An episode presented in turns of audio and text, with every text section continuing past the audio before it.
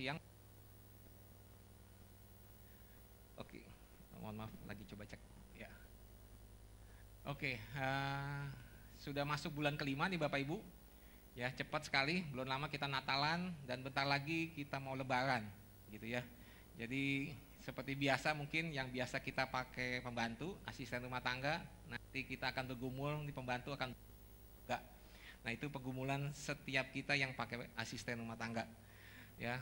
Nah, waktu begitu cepat kita lalui, tetapi Bapak Ibu di momen-momen sekarang sebenarnya kalau kita sebagai orang Kristen kita sedang lagi merayakan yang namanya uh, kebangkitan Tuhan Yesus. Yang menjelang waktu-waktu dari ke, Yesus bangkit dan nanti naik ke surga nih sebenarnya kita lagi di masa-masa di mana Tuhan sedang suka-sukanya menampakkan diri kalau di Alkitab ya. Kepada muridnya di Emmaus ya. Kepada muridnya di tempat yang tertutup Ya. Nah banyak orang, banyak gereja menggunakan momen ini sebagai tempat uh, waktu untuk mereka minta Tuhan ketemu dengan mereka gitu ya. Tapi sebenarnya Tuhan bisa kapan aja ketemu. Tapi boleh-boleh aja momen ini dipakai. Kenapa? Karena momen ini membuat kita hidup punya pengharapan. Karena Tuhan kita Tuhan yang hidup. Amin Bapak Ibu. Nah hari ini kita mau belajar bersama satu kata yang kita pernah dengar di Alkitab yaitu namanya pengharapan. Ya, kita mau belajar sama-sama apa itu pengharapan. Ya, yuk kita lihat buka ayatnya dari Roma 5 ayat yang kelima. Dan nggak kebetulan hari ini tanggal 5 bulan yang kelima. Nah, gitu, ya. Ini saya siapin khotbah sebenarnya buat dua bulan kemudian, cuman karena dimajuin, eh tanggalnya sama ya udah, jadi ya kita pakai aja. Ya, Roma 5 ayat kelima firman Tuhan berkata gini, dan pengharapan tidak mengecewakan karena kasih Allah telah dicurahkan di dalam hati kita oleh Roh Kudus yang dikaruniakan juga kepada kita. Ya. Nah, ini uh, dasar dari firman Tuhan yang akan saya sampaikan tentang pengharapan. Dan nanti saya berharap Bapak Ibu akan mengerti satu ayat ini kenapa pengharapan itu tidak mengecewakan. Begitu. Ya. Saya akan kupas sedikit demi sedikit, makin lama makin dalam sehingga akhirnya ngerti, oh iya, kita punya pengharapan tidak mengecewakan karena kasih Allah telah dicurahkan di dalam hati kita. Oke, nah sekarang kita akan mulai. Bapak Ibu siap untuk belajar? Amin. Yuk kita mulai. Yang pertama adalah definisi dari pengharapan. Apa itu definisi pengharapan? Di dalam Ibrani 6 ayat 19 firman Tuhan berkata demikian, pengharapan itu adalah sauh yang kuat dan aman bagi jiwa kita yang telah dilabuhkan sampai ke belakang tabir. Nah Bapak Ibu kata sauh itu artinya jangkar Ya. Nah, siapa di sini Bapak Ibu yang suka mancing, baik di danau atau di laut? Ada? Enggak ada yang suka.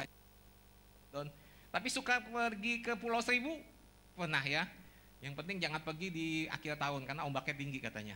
Nah, sauh itu adalah jangkar. Jangkar itu ada di mana? Adanya di perahu, bukan di rumah kita. Ya, nggak ada gunanya kalau ada di rumah kita. Nah, jadi tujuan dari jangkar itu adalah waktu kapal laut kita keluarkan jangkar, tujuannya supaya kapal itu enggak diombang-ambingkan, enggak dibawa arus. Nah, saya pernah dengar cerita dari sahabat saya Chris di komsel saya, dia pernah terombang-ambing di laut selama 4 jam. Bayangkan. Dan rasanya tuh enggak enak banget. Semua orang di kapal itu mabok. Kenapa? Karena e, karena mesinnya mati entah satu hal sehingga dia mesti itu selama empat jam. Bayangkan. Nah, dia mengambil keputusan untuk tidak membuang jangkar, karena kalau enggak dia akan diam aja di situ. Tetapi dia angkat itu jangkar nggak diturunkan. Tujuannya adalah supaya dia dapat sinyal handphone. Jadi ada berapa sembilan atau sebelas orang saya lupa. Jadi setiap dua dua semua handphone dimatikan, dupin, begitu. Tujuannya biar dapat sinyal dan itu diombang-ambingkan gitu ya. Puji Tuhan masih di situ. Coba kalau yang kita pernah dengar sampai ke Jepang. Ya, dia angkut, udah teler, makan ikan mentah, minum air seninya sendiri, bayang. Ya, ini cuma 4 jam, tapi menurut dia 4 jam, dia bilang begini. Sehebat-hebatnya kita, semampu-mampunya kita, ya, seterkenalnya kita, kalau di tengah laut nggak ada apa-apanya, nggak ada artinya kita. Semuanya dilihat air semua. Makin malam pasang lampu makin silau katanya. Udah mendingan matiin aja, gelap gulita. Ya. Bisa bayangin Bapak Ibu kalau kita di tengah laut seperti nggak ada harapan. Nah sau, harapan itu seperti jangka atau sau. Jadi tujuannya supaya kita nggak diombang-ambingkan. Nah kalau kita nggak punya pengharapan Bapak Ibu, kita akan mudah diombang-ambing. Makin lama kita ke bawah arus. Ya. Nah kita punya pengharapan di dalam Tuhan. Karena itu firman Tuhan jelas katakan pengharapan itu sau yang kuat bagi jiwa kita. Aman juga buat jiwa kita. Nah kita harus punya pengharapan. Ya. Nah pengharapan itu selalu berhubungan dengan masa depan Bapak Ibu. Itu enggak? Misalnya contoh yang paling gampang, aduh saya berharap siang ini jangan hujan. Ya, karena saya nggak bawa payung, misalnya gitu, simpel begitu. Aduh, siang ini jam 12 jangan hujan deh. Nanti saya ada ya, tujuannya ke depan. Nggak mungkin kita berharap untuk sesuatu yang masa lalu. Aduh, berharap ya tahun lalu, percuma. Udah masa lalu. Tetapi selalu berhubungan ke depan. Baiklah, demikianlah hikmat Tuhan untuk jiwamu. Jika engkau mendapatkannya, maka ada masa depan dan harapanmu tidak akan. Jadi lu berhubungan dengan masa depan. Yeremia 31 ayat 17 berkata gini, Masih ada harapan untuk hari depanmu. Demikianlah firman Tuhan. Jadi harapan selalu berhubungan dengan masa depan. Ya. Jadi kalau boleh dibilang dari ayat ini, harapan itu bisa bicara tentang mimpi. Harapan itu bisa bicara tentang visi, Harapan itu bisa bicara dengan impian. Ya. Pertanyaannya, apa impian Bapak, Ibu, dan Saudara sekalian? Apa harapan? Karena firman Tuhan lanjut berkata demikian, siapa yang termasuk orang hidup mempunyai harapan. Coba saya mau tanya di sini, siapa yang sini orang hidup? Semua bernafas, coba senggol, masih hidup gak? Ya. Terus tanya, punya harapan gak kamu? Orang harapan. Tetapi banyak orang termasuk orang Kristen hidup tapi seperti setengah mati, nggak punya harapan. Jangan kejadian seperti yang lalu, yang loncat dari mall di Pluit. Apa lebih baik mati saja. Banyak orang juga berpikir, harapan apa saya nggak punya harapan. Tetapi firman Tuhan jelas, oh siapa yang termasuk orang hidup punya harapan Bapak Ibu. Kita yang masih bernapas masih punya harapan.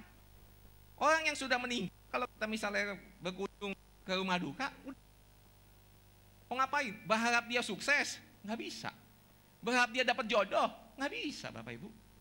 Berharap dia mungkin jadi orang terkenal? Nggak bisa juga. Tinggal di dalam kubur. Nggak bisa. Tetapi kita yang masih hidup masih punya harapan. Mungkin kelihatannya belum ada nih. Aduh saya, saya belum kaya, saya belum diberkati, saya belum sembuh. Tapi masih ada harapan.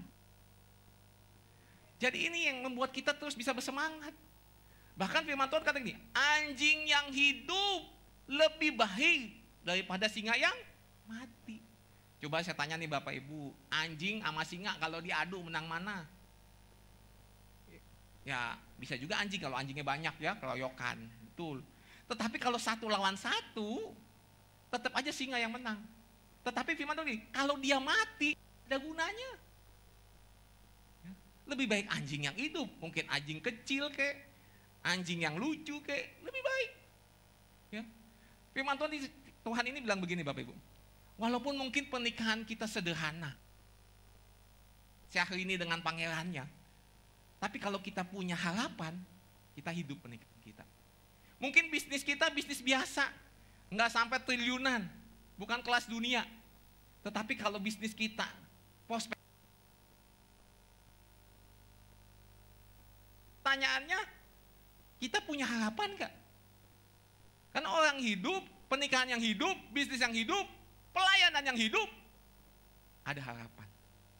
Selama pelayanan, pernikahan, keluarga, usaha, ada harapan. Pasti hidup Bapak Ibu, pasti jalan. Nah ini yang membuat kita terus bisa berjalan. Ada sebuah penelitian nih Bapak Ibu, seorang profesor di Amerika, dia meneliti dua orang dua ekor tikus. Jadi tikus yang A, tikus yang B dicemplungkan di dalam tabung yang berisi air. Dicemplungkan bersama-sama. Di, di timer dihitung dalam waktu 15 menit mereka semuanya mau mati tenggelam. Tetapi profesor itu kemudian ngambil yang satu ditaruh di tempat yang kering, yang ini dibiarkan tenggelam dan akhirnya mati. Nah yang diangkat kemudian dikeringkan sampai kering, tenang, dicemplungin lagi. Pertanyaan, berapa lama tikus yang kedua bisa bertahan lama? Ada yang tahu? Boleh tebak? Satu jam. Wah, 60 jam. Ibu udah dengar tadi ya. Betul. Yang kedua, bisa bertahan berenang selama en itu 240 kali dari yang tadi pertama mati. Jadi profesor meneliti gini, tikus ini punya harapan suatu saat lagi nanti diangkat dan dikeringkan lagi. Dan dia terus berenang. Aduh, kapan diangkat ya? Kapan diangkat ya? Terus berenang. Kapan diangkat ya? Kapan diangkat ya? Terus. Dan bertahan sampai 60 jam. Itu tikus tuh Bapak Ibu. Bagaimana dengan kita? Manusia kalau dikasih harapan, semangat Bapak Ibu. Ya. Jadi dia menjadi kalau sesuatu diberikan harapan, manusia diberikan harapan, dia bisa bertahan hidup. Karena ada harapan, ada impian ke depan yang mau dicapai. Ya, tikus aja bisa. Dari yang pertama 15 menit dan dua-duanya mau terlengkap langsung ditolong satu. Dan waktu dicemplungin lagi, dia berharap nanti diangkat, nanti diangkat, nanti diangkat. Sampai kekuatan terakhirnya 60 jam. Jadi orang hidup dan bisa melihat ke depan punya harapan. Dia punya kekuatan Bapak Ibu. Punya kekuatan. Nah sekarang pertanyaan gini. Lanjut. Bagaimana proses terjadinya pengharapan? Kan itu. Segala sesuatu itu ada prosesnya Bapak Ibu. Nggak ada yang instan. Termasuk yang namanya pengharapan. Firman Tuhan di dalam Roma 5 ayat 3 sampai 4 berkata demikian. Dan bukan hanya itu saja. Kita malah bermegah juga dalam kesengsaraan kita. Bapak Ibu, firman Tuhan jelas mengatakan kita bermegah bukan karena kekayaan, bukan karena ketenaran, bukan karena kemampuan, tetapi juga dalam sengsara kita. Kenapa? Karena kita tahu bahwa kesengsaraan itu menimbulkan ketekunan. Dan ketekunan itu menimbulkan tahan uji. Dan tahan uji menimbulkan pengharapan. Nah ini proses mesti dilewatin Bapak Ibu. Ya, Mulai dari kesengsaraan, menimbulkan ketekunan, ketekunan menimbulkan tahan uji, dan tahan uji menimbulkan pengharapan. Nah ini proses yang semua orang di dunia pasti ngelewatin. Contoh, saya berharap saya akan kurus tahun ini 10 kilo lagi. Saya udah ngurangin makan nasi, ngurangin makan bakmi, makan roti. Aduh itu berat banget. Itu sengsara, betul. Kesengsaraan. Atau yang lain, aduh saya berharap saya lebih sehat. Saya nggak mau sakitnya sakit penyakit, berarti mesti ngurangin makan, mesti olahraga, mungkin membuang kebiasaan lama, entah itu ngerokok kek atau ngapain. Kan mesti itu sangat sengsara. Atau aduh saya berharap nanti bisnis saya maju. Oh siapa? Mesti kerja keras, mungkin cari peluang-peluang baru. Itu kan awalnya susah Bapak Ibu, betul nggak? Sengsara dulu pasti. Tetapi nanti akan menimbulkan ketekunan. Apa itu menimbulkan? Menimbulkan tuh bahasa lainnya terjemahannya gini. Memunculkan, menghasilkan ketekunan. Nah, waktu tekun, ya, ini artinya juga bilang sabar, tabah, jadi waktu kita mengalami kesesakan dan kita bertahan Bapak Ibu, kita nanti jadi tabah. Kita jadi sabar. Ya. Waktu ini kita jaga kesabaran kita, menimbulkan, memunculkan tahan uji. Tahan uji itu maksudnya itu udah jadi karakter kita.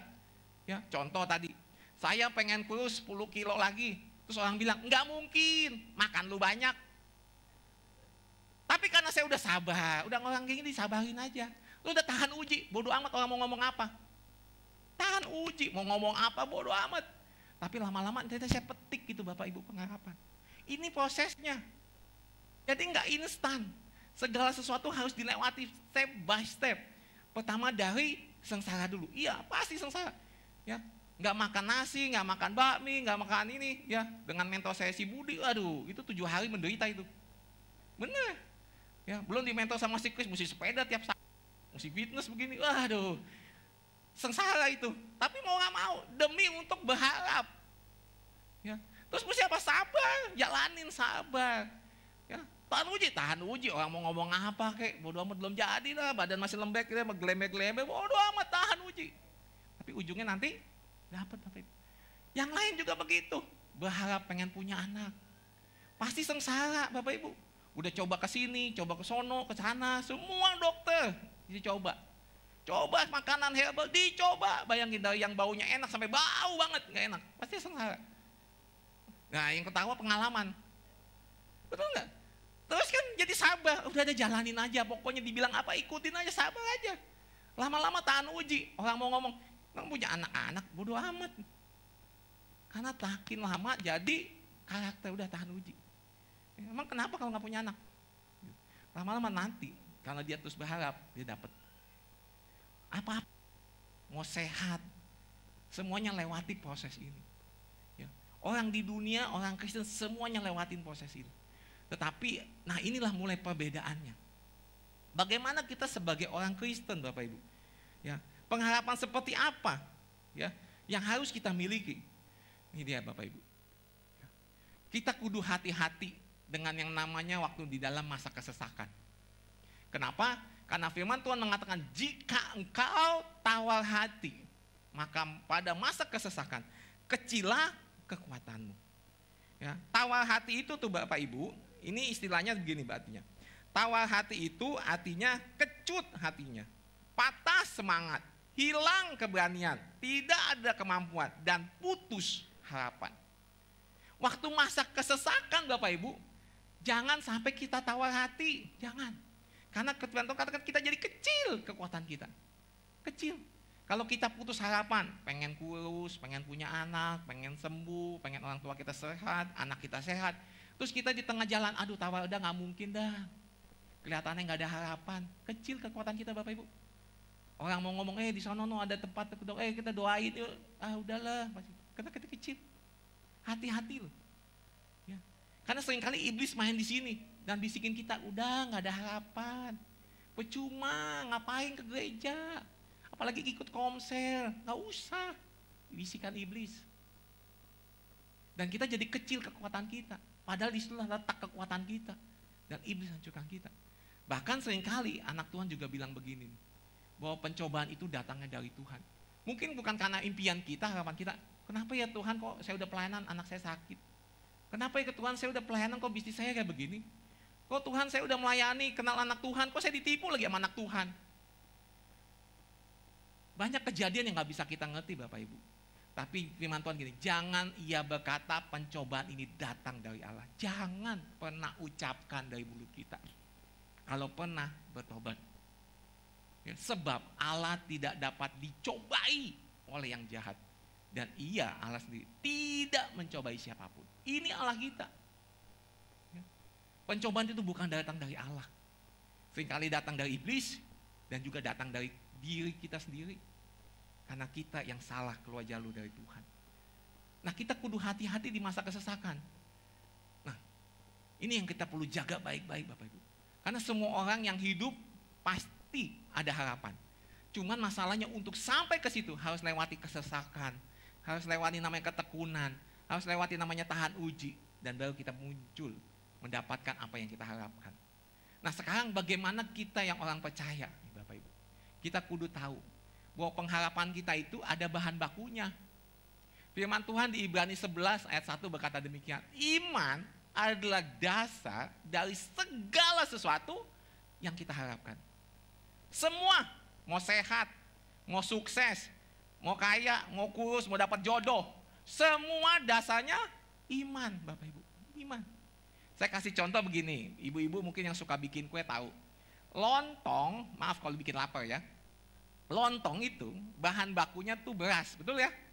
Kalau bahan bakunya diganti ketan jadi lemper, kan gitu. Simpel kan? Ibu mau bikin nih, oke bikin lontong, nasinya dibikin dulu, setengah mateng mungkin dimasukin daging, dibungkus, kukus lagi. Lemper kan juga sama, mirip-mirip lah ya, saya nggak tahu detailnya. Intinya dibungkus, isinya ketan, isinya ada ayam, sama. Di, sama. Nah kalau kita bahan bakunya salah Bapak Ibu, beda jadi hasilnya. Nah kita orang percaya, pengharapannya kita itu bahan bakunya iman, bukan yang lain. Kalau enggak jadinya beda. Ya, karena bahan baku menentukan hasilnya. Kalau beda, hasilnya juga beda. Begitu. Nah kita orang percaya bahan baku kita dalam berharap itu iman loh Bapak Ibu. Iman. Bukan yang lain. Ya. Nah iman didapat dari mana? Nih. Oh sebentar. Orang benar hidup oleh iman. Kita orang percaya nih hidup oleh iman loh Bapak. Firman Tuhan di dalam Roma 1 ayat 17 ini. Orang benar akan hidup oleh iman. Nih saya kasih contoh ya Bapak Ibu. Kebanyakan mobil hidup oleh bensin, betul nggak? Kalau nggak ada bensin, nggak bakal hidup. Truk pada umumnya hidup oleh solar. Nah orang percaya nih, Bapak Ibu dan Saudara sekalian, hidup oleh iman. Tanpa iman kita mogok loh Bapak Ibu. Coba kita berharap sesuatu, terus nggak punya iman. Aduh jalan nggak ya? Kan nggak mau deh, nggak usah bisnis tadi tipu lah. Ah nggak usah lah, nggak bakal sembuh juga lah. Nah maju, maju mundur, maju mundur doang, jalan di tempat.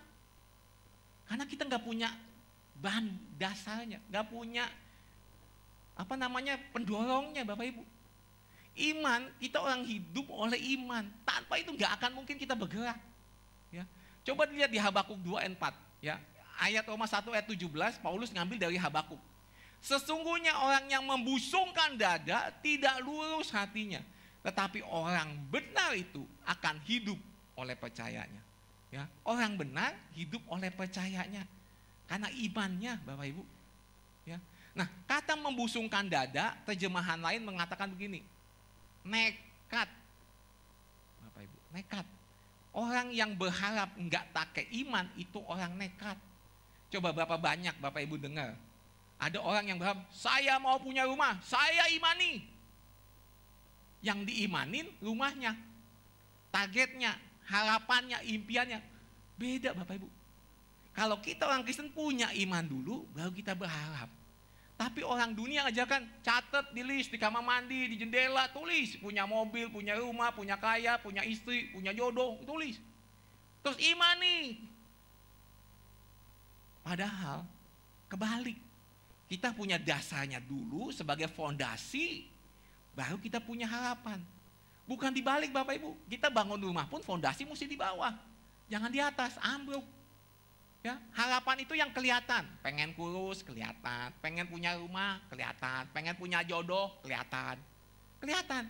Tapi dasarnya mesti jelas, iman. Kalau enggak bisa kebalik, bahaya. Dan banyak orang Kristen ikut-ikutan. Yang diimanin harapannya. Bukan. Iman kita tetap kepada Tuhan. Tapi di dalam Tuhan kita punya harapan. Bukan harapan yang kita imanin. Bapak Ibu, kalau kita berharap sehat, sehat aja belum kita dapat, kan namanya berharap, belum dapat. Terus dia mau ngasih apa ke kita? Berharap sukses, berarti belum sukses. Terus sukses itu mau udah kasih kita. Suksesnya aja nggak kelihatan. Tapi kalau Tuhan, dia yang hidup, yang setia, itu pegangan kita. Amin. Bukan harapan itu yang kita pegang, bukan. Tapi Tuhan yang kita pegang. Jangan orang Kristen dibalik punya impian, punya cita-cita, punya visi itu yang diimani, bukan. Iman kita tetap di dalam Tuhan dan kita punya pengharapan. Jangan dibalik loh Bapak Ibu. Makanya kalau kita dibalik, makanya nanti gini, iman kita, eh, pengharapan kita menjadi pengharapan yang mengecewakan. Atau bahasa lainnya pengharapan yang memalukan. Dan kalau sampai memalukan, ya, malukan Bapak Ibu. Ujung-ujungnya seperti yang Habakuk bilang, jadi nekat bahasa Ibrani itu abhal. Udah bilang ke pengumuman, semuanya saya mau punya rumah, punya jodoh, sukses. Terus gak datang-datang, orang bilang mana? Nekat deh, lakuin segala hal. Ya, udah deh kawin sama siapa aja lah, yang penting laku. Kan gitu, nekat. Ah udahlah, anggap aja sehat, nekat, gak usah minum obat, udah sehat. Nekat, Bapak Ibu, nggak punya iman. Ya.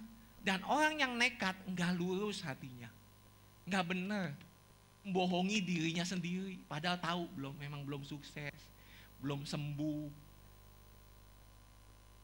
dan dia nekat banyak orang Kristen begini nekat bukan karena iman nekat tapi demi supaya apa instan biar jadi muncul tapi kita nggak seperti itu kita harus punya iman karena kita akan hidup oleh iman waktu kita beriman kita punya pengharapan Nah kan begitu. ya. Nah pertanyaan mungkin gini, Kang gimana dapetin iman? Belinya kalau misalnya ada tokonya. Nah ini firman Tuhan katakan, iman timbul dari pendengaran. Pendengaran oleh firman Kristus. Nah kembali ke urusan lontong nih Bapak Ibu ya, maaf lontong lagi, karena paling gampang. Lontong bahan bakunya beras. tentu kan kita nggak pakai beras biasa atau pakai beras tahun lalu. Kan nggak mungkin Bapak Ibu. Misalnya contoh, beras yang paling enak beras Cianjur. Ya kita kan belinya beras Cianjur dong. Jangan pakai beras yang Kerawang kayak beras mana kan nggak jelas. Kan kita mau hasilnya maksimal. Begitu juga kita punya pengharapan. Kalau kita mau dengan dapatnya cuma sekedar, oke okay, dasarnya iman, tapi dapatnya dari mana? Dari toko sebelah. Cek aja toko sebelah, benar nggak? Tapi kalau dasarnya kita dapat sumbernya dari pendengaran firman Kristus, udah pasti benar jadi, nggak bakal mengecewakan. Hasilnya enak. Ya. Beda kalau kayak tadi contoh, kita bikin lontong beras-beras mana, beras besok eh besok, beras kemarin kayak kita bikin. Jadi sih, tapi hasilnya enak nggak? Belum tentu enak. Malah menjadi mengecewakan iya. Orang makan nggak enak, memalukan lagi. Ya itu pengharapan yang memalukan, pengharapan yang mengecewakan. Karena bahan bakunya bukan firman Kristus. Bahan bakunya apa kata orang? Katanya kurus, tenang, pasti kurus. Katanya sukses, tenang, bentar lagi gue udah DP. Nekat tapi. Tapi kita harus berpegang iman kita kepada firman Kristus. Ya. Apa sih firman Kristus itu Bapak Ibu? Bahasa aslinya firman yang tulis ini adalah rema. Kristus artinya diurapi. Berarti firman yang diurapi. Ya. Rema itu artinya ucapan, rema itu artinya perkataan. Ya. Nah, bukan sekedar perkataan tapi perkataan yang kudu diurapi. Karena kalau cuma sekedar perkataan itu cuma katanya-katanya loh Bapak Ibu. Katanya-katanya. Ya. Nah, makanya waktu saya belajar ini Bapak Ibu, saya dapati firman Tuhan begini. Ini sebagai intermezzo ya Bapak Ibu. Kita sering kali dengar atau bilang hamba Tuhan bilang begini, bahwa rema itu lebih tinggi tingkatannya daripada logos. Tapi sebenarnya kalau kita belajar firman Tuhan, lema itu lebih rendah daripada logos. Logos itu artinya perkataan, pemikiran yang sudah dipikirkan sedemikian rupa. Kalau lema itu kalau misalnya kita lema itu cuma perkataan, katanya, katanya, tanya. Coba Bapak Ibu, lebih percaya katanya bumi itu bulat atau memang karena penelitian memang bumi itu bulat? lebih banyak penelitian dong. Ya. Bapak Ibu lebih percaya mana? Katanya matahari terbit dari timur atau memang udah berdasarkan penelitian? Astronot udah lihat memang matahari terbit dari timur. Jelas Bapak Ibu. Logos itu tingkatannya jauh lebih tinggi. Ya makanya ada ilmu biologos, biologi, antropologos, antropologi, teologos, teologi yang udah dipikirkan, yang udah diteliti tuh Bahkan di dalam Yohanes 1 ayat 1 yang dikatakan pada mulanya adalah firman dan firman itu bersama-sama dengan Allah. Firman ini ditulis adalah logos, bukan rema. Tetapi yang maksud dari ayat yang tadi pendengaran iman itu muncul dari perkataan terus yang diurapi. Maksudnya apa? Maksudnya begini loh Bapak Ibu. Kalau kita mau punya iman dan berpengharapan, jangan main asal comot firman itu harus benar-benar perkataan yang Tuhan katakan ke kita. Karena beda-beda. Ini istilahnya pewahyuan dari Tuhan. Nggak bisa kita comot dari firman Tuhan, oh kita ambil. Enggak. Kita mesti baca, kita doain, kita renungkan, biar Tuhan yang berbicara kepada kita. Karena setiap orang beda-beda dapatnya. Perkataan Tuhan yang diurapi itu beda. Ya, mungkin saya dapat sesuatu tentang kesembuhan. Kok Joni beda, diberkati. Jangan saya pikir, ah Tuhan saya mau kayak dia dong diberkati. Nggak bisa. Karena memang dia dapat secara pribadi khusus Bapak Ibu. Saya kasih contoh begini. Coba kita lihat kisah Yunus. Ya. Yang disuruh Tuhan untuk ke Niniwe. Dia dapat sendiri loh, bukan orang lain. Dia dapat tuh dia pergi. Dia pergi, dia ninggalin, tapi Tuhan terus panggil. Eh, balik. Sampai ditekan oleh ikan. Dibuangkan di Niniwe. Itu dapat, itu mungkin yang kita tolak. Tetapi bagaimana dengan Yusuf? Yang didapat mimpi, bintang pada tunduk, semua lumbung pada tunduk. Tapi ngeliat kenyataannya, dimusuhin saudara, dijual jadi budak, dibuang ke sumur, jadi narapidana. Beda-beda loh Bapak Ibu, dia dapat wahyuan itu. Tapi waktu dia dapat wahyuan itu jadi harapan dia, apa pun yang terjadi, dia tetap tekun, sabar, sabar, Tahan uji, orang mau ngomong apa, mana mungkin, mana kata mimpi dah, mimpi siang bolong, tahan uji. Ujungnya dia petik. Sama semua, Abraham juga begitu. Firman Tuhan berkata, kamu akan menjadi bapak banyak bangsa. Kenyataannya, 25 tahun dia nunggu, anak gak ada. Gak ada. Gak ada Bapak Ibu. Tapi waktu firman itu udah ada Bapak Ibu. Tinggal nunggu, sabar. Tahan uji. Nanti tinggal kita betik. Nah pertanyaan sekarang, apa yang Bapak Ibu harapkan dalam Tuhan? Udah dapat belum pewahyuan dari Tuhan? Bukan dengar apa kata orang, bukan. Tapi yang Tuhan ngomong sendiri, oke okay, kamu akan sembuh. Kamu akan diberkati. Kamu akan sukses. Kamu dapat jodoh. Apa? Kita harus dapat sendiri Bapak Ibu. Itu yang menimbulkan iman. Orang mau ngomong apa karena kita udah dapat, nggak bakal goyah kita. Kita tetap sabar, tunggu waktunya. Jangan main asal comot yang tertulis, jangan. Tapi biar firman Tuhan yang ngomong. Nah ini yang perlu kita dapetin supaya iman kita timbul. Nah iman kita timbul, kita punya pengharapan. Ini proses sebagai orang percaya loh Bapak Ibu. Ya. Saya nggak tahu Bapak Ibu berharap apa. Ya. Oh berharap dapat jodoh yang belum nikah di tempat ini. Ya. Tuh Tuhan saya udah umur 35, jangan kayak bangsa Israel ya Tuhan. Masuk tanah perjanjian 40 tahun, nanti saya udah kakek-kakek Tuhan. 75 saya baru dapat jodoh. Kan gitu. Karena apa? Karena cuma melihatnya karena logos. Tapi kalau kita dapat sendiri dari Tuhan, tinggal nunggu waktu kok Bapak Ibu tenang aja. Sabar, tekun Kemudian tahan uji, orang mau ngomongin jomblo, eh, perawan tua, bodoh amat, bodoh amat. Tenang di dalam Tuhan, pasti ada waktu yang terindah. Itu aja. Lama-lama karena kita punya dasarnya iman dan waktu kita dapat nggak mengecewakan. Pertolongan Tuhan itu tepat pada waktunya, nggak bakal memalukan kita. Nah ini yang mesti kita pegang Bapak Ibu. Nah firman Kristus perkataan yang diurapi Bapak Ibu. Ya, ibarat juga begini, kita sebagai orang Kan di, dinilai berdasarkan perkataan kita. Laki-laki dinilai dari perkataan. Kalau engkau bilang A, engkau dari berjanji, engkau harus tepati. Begitu juga Tuhan, firman Kristus yang diucapkan itu berarti tentang dirinya sendiri. Jadi iman itu timbul karena dari Tuhan. Firman itu adalah Allah, Bapak Ibu. Allah itu sendiri. Ya, jadi waktu Tuhan ngomong pewahyuan kepada kita, itu berbicara tentang dirinya.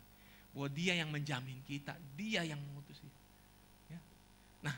Siapa Allah itu? Saya mau memperkenalkan nih Bapak Ibu. Mungkin Bapak Ibu selama ini cuma doa, doa saja Tuhan, kita kenal Tuhan Yesus. Tapi ini definisi yang bagus. Allah itu di dalam ulangan 32 ayat 3 sampai begini. Sebab nama Tuhan akan kuserukan. Berilah hormat kepada Allah kita, gunung batu yang pekerjaannya sempurna. Karena segala jalannya adil. Allah yang setia dengan tiada kecurangan adil dan benar. Allah kita itu nggak pernah nggak setia dan nggak akan pernah nggak bisa setia. Dia selalu setia Bapak Allah kita itu tidak pernah tidak adil karena dia selalu adil. Allah kita itu tidak pernah berbuat curang dan tidak bisa berbuat curang. Saya mungkin tidak berbuat curang, tapi bisa berbuat curang. Tapi Allah kita beda. Kalau Bapak Ibu suka berkata, Tuhan itu baik. Pertanyaan saya, apa itu baik? Apa itu baik Bapak Ibu? Tuhan itu baik, kita nyanyi akan jempol, Tuhan itu baik. Hari ini saya kasih definisi. Supaya Bapak Ibu kalau bilang Tuhan itu baik, Bapak Ibu tahu siapa Tuhan kita. Tuhan itu baik, ingat B yang pertama, Tuhan itu benar. Allah nggak bisa curang, Allah nggak pernah salah, Allah nggak pernah nggak setia itu dia Allah yang benar. Apa pun yang terjadi, Allah tetap benar. Itu Yang kedua A, adil. Allah itu nggak sayang saya lebih daripada saudara dan lebih sayang saudara lebih daripada saya. Enggak, sama, kudu sama. Dia mati di atas kayu salib buat engkau dan saya, sama, titik. Dia nggak pilih-pilih, enggak, enggak. Dia adil, Bapak Ibu. Kemudian Allah itu juga ilahi. Apa itu ilahi? Dia maha tahu, dia maha kuasa, dia maha sempurna. Mungkin sekarang yang kau harapkan belum kelihatan. Pegang ini baik-baik Bapak Ibu. Dia maha tahu. Dia maha kuasa. Tinggal tunggu waktu aja. Dan yang terakhir, Allah itu kah kasih. Dia mengasihi kita apa adanya. Dia mengasihi kita tanpa syarat. Dan Allah itu nggak pernah menyakiti kita. Itu Allah kita. Jadi waktu kita berkata Tuhan itu baik, kita tahu. Dia benar, dia adil, dia ilahi, dan dia penuh kasih kepada saya. Amin. Jadi nggak sekedar Tuhan itu baik, ya baik apa? Ya baik, karena dia rajin sekolah, dia nurut sama orang tua, itu anak-anak. Tapi Tuhan baik itu apa? Ya. Apakah, oh saya hidupnya baik-baik saja, ya itu kamu, tapi Tuhan kalau kita tahu percaya sebagai Tuhan itu benar-benar benar. Apa pun yang terjadi dalam hidup kita, dia selalu benar. Yang kedua, Allah itu adil Bapak Ibu. Ya, Allah itu ilahi dan Allah itu penuh kasih. Ya, sehingga akhirnya kita mengerti kenapa pengharapan yang dikatakan oleh Paulus tidak mengecewakan. Amin. Boleh saya undang pemain musik, Well Singer boleh maju ke depan untuk bantu saya nyanyi. Jelas ayat ini mengatakan pengharapan tidak mengecewakan karena kasih Allah telah dicurahkan ke dalam hati kita oleh Roh Kudus yang telah dikaruniakan kepada kita Bapak Ibu. Ya. Kalau kita mau punya pengharapan yang nggak memalukan Bapak Ibu, yang nggak mengecewakan. Kuncinya cuma satu, jangan seperti orang dunia. Tapi dasarnya mesti jelas, iman. Kenapa? Karena kasih Allah telah dicurahkan kepada kita.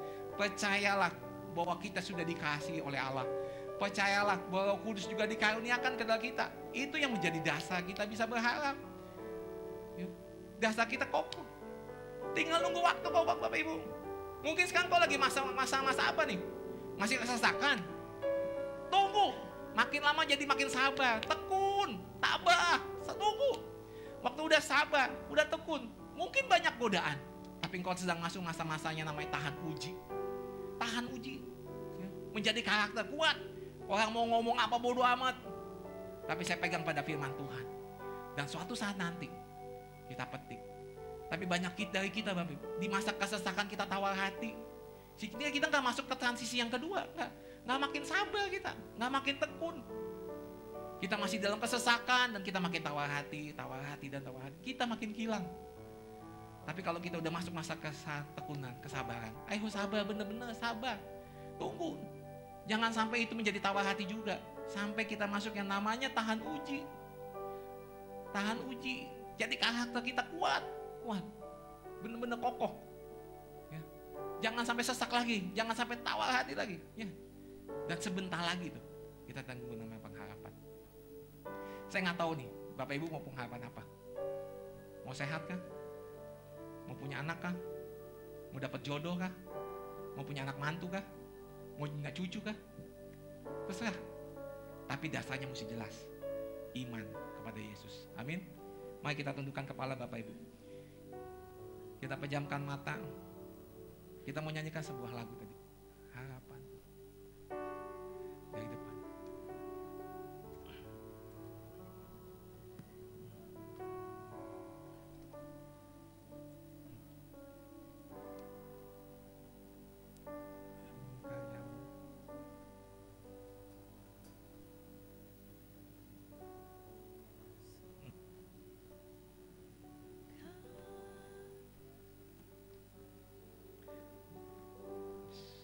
Mari Bapak Ibu kita ambil waktu sesaat. Kita datang kepada Tuhan.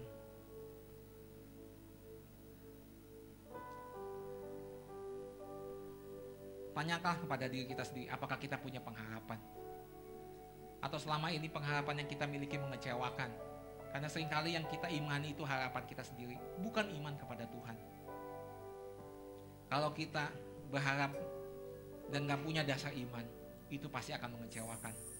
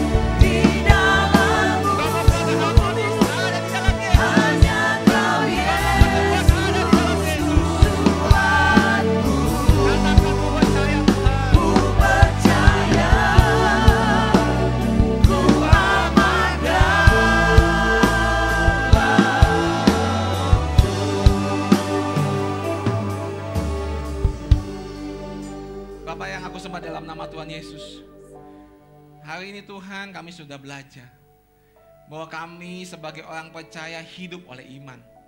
Dan waktu kami punya iman yang benar, bersumber pada firman Kristus, maka kami punya pengharapan Tuhan Yesus.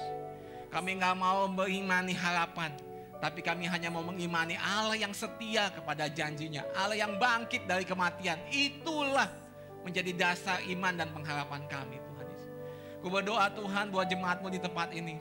Mereka yang berharap untuk kesembuhan, mereka yang berharap untuk pemberkatan Tuhan, mereka yang berharap Tuhan untuk pemulihan, mereka yang berharap Tuhan untuk jodoh, apa pun yang mereka harapkan Tuhan, mereka berharap di dalam nama Yesus, bukan di dalam yang lain Tuhan.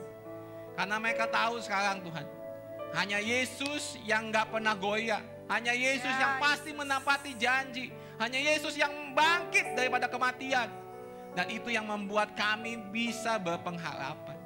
Kami gak bisa berharap kepada manusia, kami gak bisa berharap kepada lembaga apa pun, tapi kami percaya Tuhan ada Yesus yang menjadi kekuatan kami. Aku berdoa Tuhan, biar di tahun ini mereka menemukan sesungguhnya iman mereka dan mereka penuh dengan pengharapan. Sehingga hidup mereka dari kemuliaan kepada kemuliaan dan nama Tuhan terus dipemuliakan. Karena harapan-harapan itu muncul di dalam kehidupan mereka Tuhan Yesus. Berdoa Tuhan kau memberkati jemaat di tempat ini Tuhan Yesus. Biar mereka Tuhan terus berjalan di dalam iman, bukan dengan yang lain. Terima kasih Tuhan. Kami siap untuk menyambut perjamuan kudus ini Tuhan. Biar kami dalam perjamuan kudus diingatkan kembali bahwa kami punya Allah yang bangkit dari kematian. Mari katakan sekali lagi, katakan harapanku Tuhan di dalammu.